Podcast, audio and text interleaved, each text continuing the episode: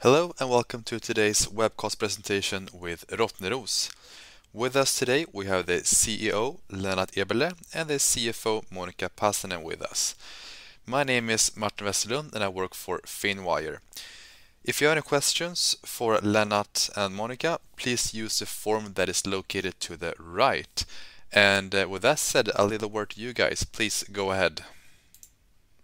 Thank you very much, Martin, and hello, everybody, to this webcast for the full year report of 2022.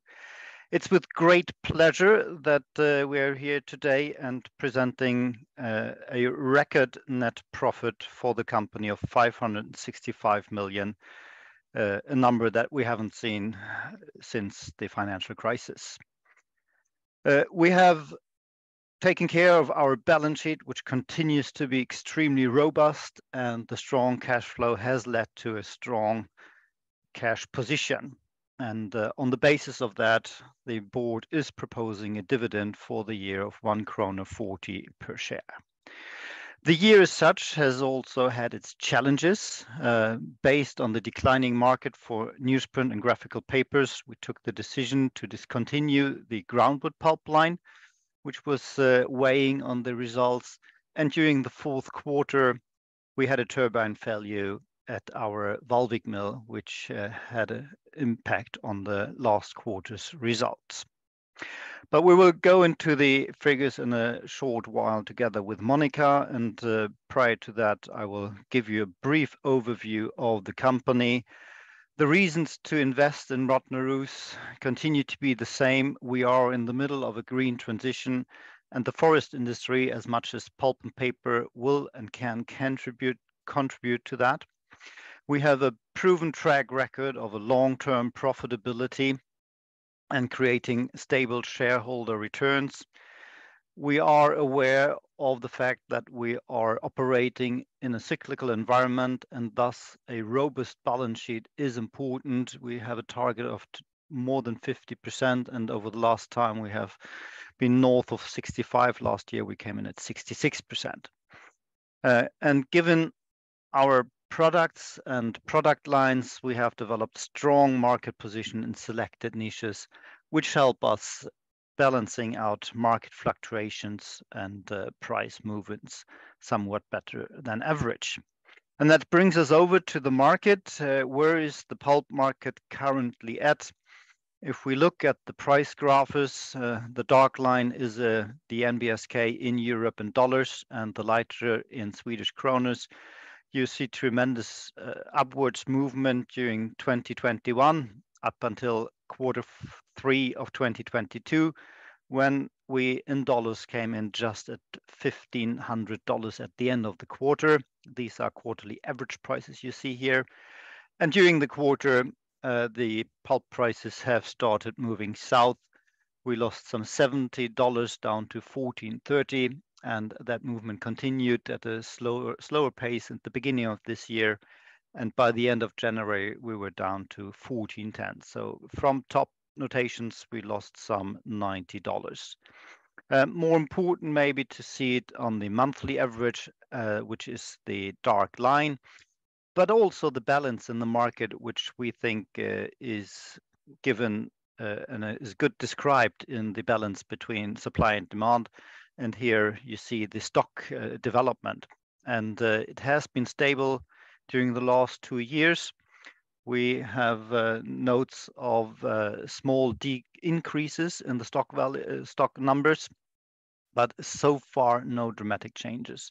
A lot of stock has been tied up in transit over the last time. There have been continuous reports of logistics issues and containers being short and ships being out on the seas, not being able to load and unload at the harbors due to the pandemic. Uh, and these uh, volumes are now slowly coming into the market as well and uh, should impact the stock figures.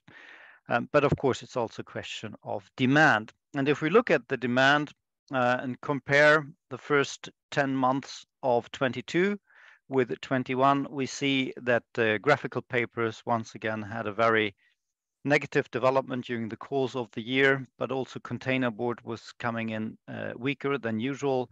whereas uh, board, graphical board, uh, packaging board, and liquid packaging board has been just above zero. Tissue continues to be a growth market.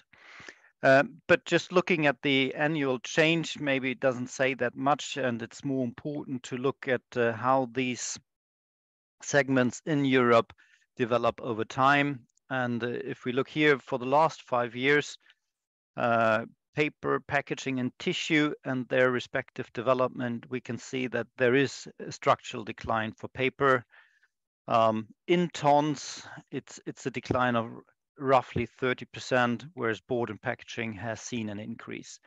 And that is also one of the reasons why we are shifting our focus away from graphical papers into packaging grades. And tissue, although it is a very large segment, uh, remains uh, to be a growth opportunity for us rather than a strategic uh, opportunity that we're pursuing. If we're looking at the um, market for chemical market pulp, first 11 months, we see that there has been growth in Europe, North America, South America, um, whereas China had a very slow year. But uh, the dark lines or the dark bars are the full 11 months, whereas the lighter ones are the first eight months. And here you see uh, how it has changed uh, during the last three months of that period, where you can see Europe has a very obvious slowdown as much as North America, whereas in China, still negative, but less negative than for the first eight months. So there has been a growth, and we have seen also price announcements coming in from China. China has had a weak year, uh, much affected by the handling of the pandemic in China, but that seems to be now over and opening up.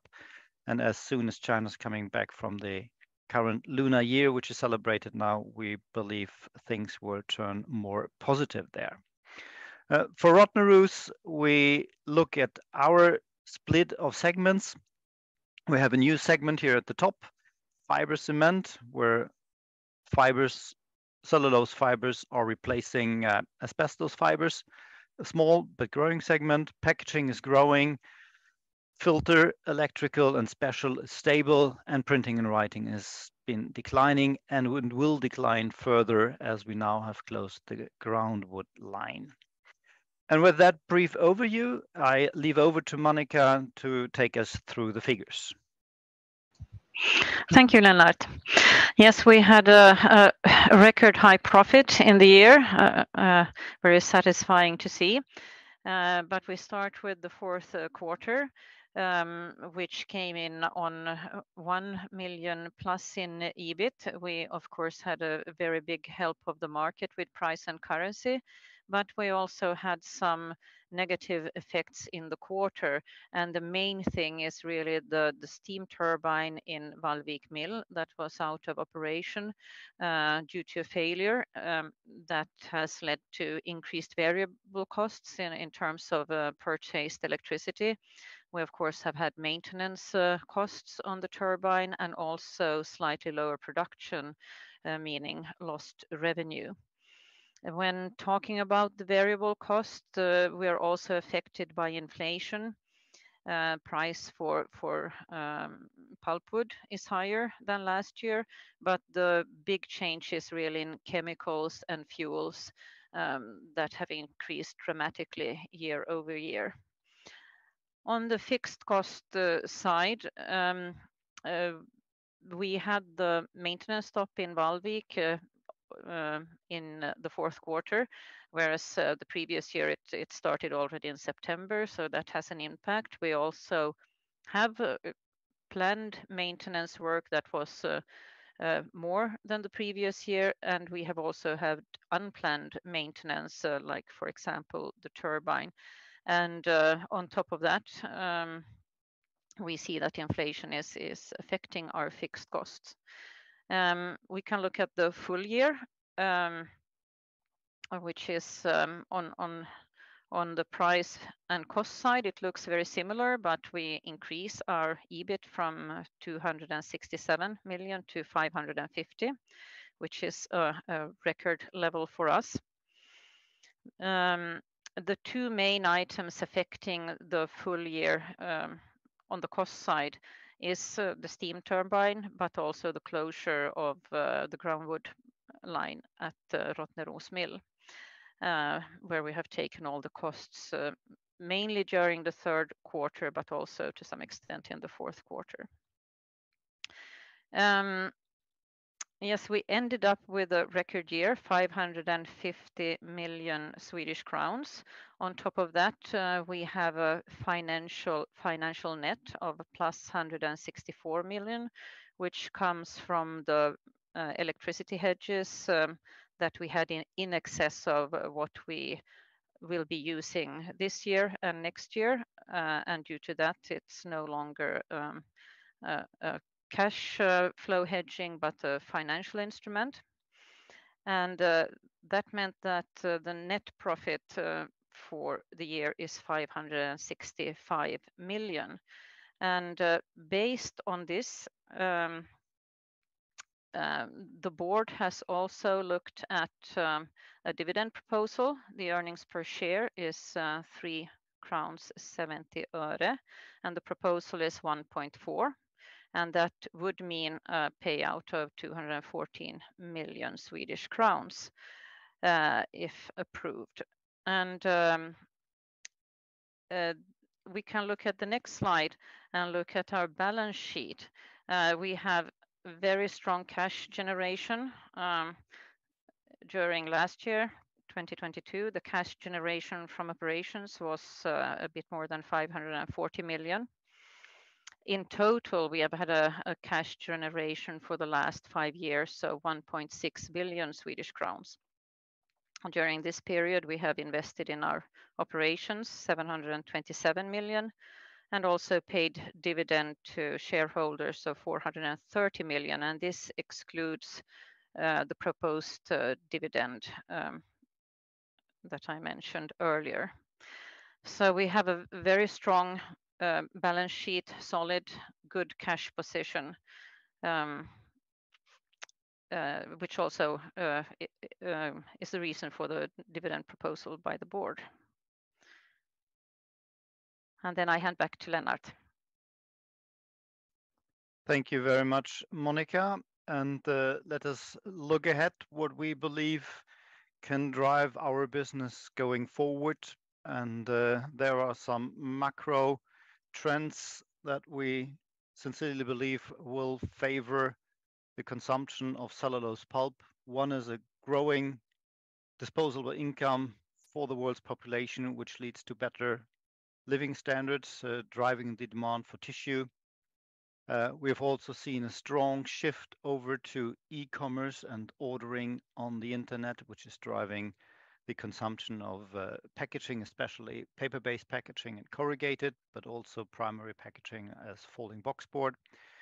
We have a green transition, and uh, especially interesting for us is, of course, the development of uh, solar and wind farms, which are not traditionally where the big power generating units are. So, this needs investments in transmitting cables as well as transformers. And here, this very pure pulp from Rottneros with low conductivity comes in at play, and we see a strong and stable demand from customers who are using this. And of course, the overall uh, drive to be more sustainable and use less fossil-based products and going over to fiber-based products. And there we ourselves are active with developing Rottneros Packaging as a premier supplier of uh, high-quality molded fiber packaging.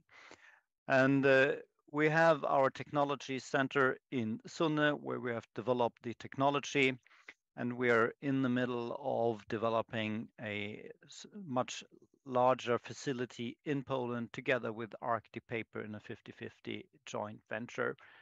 Um, we're in the process of negotiating supplies of machinery. The Uh, hall is under renovation. It's a brownfield installation, which makes it uh, much more efficient than uh, a greenfield. It's on the Polish-German border, 80 kilometers east of Berlin, so right at the center of Europe. And with the quality that we have developed, we have a oxygen-tight modified atmosphere fiber-based tray, which is certainly one of its kind, and we see that the demand for that is simply just growing. So if we summarize uh, quarter four in 2022, we see that uh, we have uh, record high earnings. As Monica mentioned, the net result is higher than the operating profit, thanks to financial items. We have taken necessary precautions to make Rottneros even more resilient for future changes in demand. We're decreasing our exposure to the graphical paper sector by closing down the groundwood pulp line, which also has been the product that had the most energy consumption per ton. We are maintaining and focusing on keeping a very strong balance sheet in order to be able to uh, fight periods of uh, less economical uh, favorable situation. Um, and our packaging project is uh, going on according to plan. So we see the emerging of a Rottneros, which will change its uh, being and color going forward. So with that, I thank you very much for your attention, and I'll leave uh, the word back to Martin for questions. Thank you very much for that presentation, and like I said, now it's time for the questions. Take the first one here: Are the rising costs for the fourth quarter something that you see continuing into Q1? Yes, thank you for the question. Um, we had um, some uh, one-off items, and especially um, the steam turbine was uh, such uh, an item in the fourth quarter. But with the higher inflation, that of course will continue, but we will not see the same amount of maintenance costs in normal quarters. Uh, the fourth quarter is the heavy one on our maintenance side uh, due to how we schedule our maintenance stops. Okay, thank you for that answer. Take the next one. How do you see the electricity crisis that we have in Sweden, both in short and long term? Um, if we look at the development of electricity futures, we see that they have come down now for for the coming years back to a more reasonable level, around 50 to 60 euros. Uh, we have actually also taken new um, futures there. So given all of that, I would hopefully believe that uh, we've seen the worst. Um, but of course, we will continue to see volatile electricity markets as uh, the emergence of uh, sustainable energy continues. There's more wind power, there's more solar power. We are more and more connected uh, with the continent. So yes, the the inflation on energy prices is dampening. There has been a transition from Russian oil and gas in the European energy mix, um, but we see that the storages are full as well. So, um, I'm uh, carefully optimistic, but I believe that there will be a continued uh, volatile electricity market. And uh, are you seeing an increase or decrease in demand going into Q1? I believe you mean the demand for pulp. Um, I think that what we've seen so far is that our European customers have seen uh, a decrease in demand. Their order books have shrunk in certain areas, but we also see that our special niches as filter electrotechnical applications, as well as board, maintain a stable position. Uh, at the same time, demand from China is increasing, Um, so we will see geographical uh, shift. We will see some destocking with our customers, but overall, uh, we believe that uh, the quarter one should be more or less in line coming to volumes, excluding, of course, the volume for the groundwood line, which is not with us anymore. Okay, thank you. Next question is about packaging. Uh, can you talk about how the development of it, of the packaging is going, and uh, what the revenue was in uh, 2022 for that? At this point, we cannot disclose any financial figures as it's part of the overall Rottneros reporting.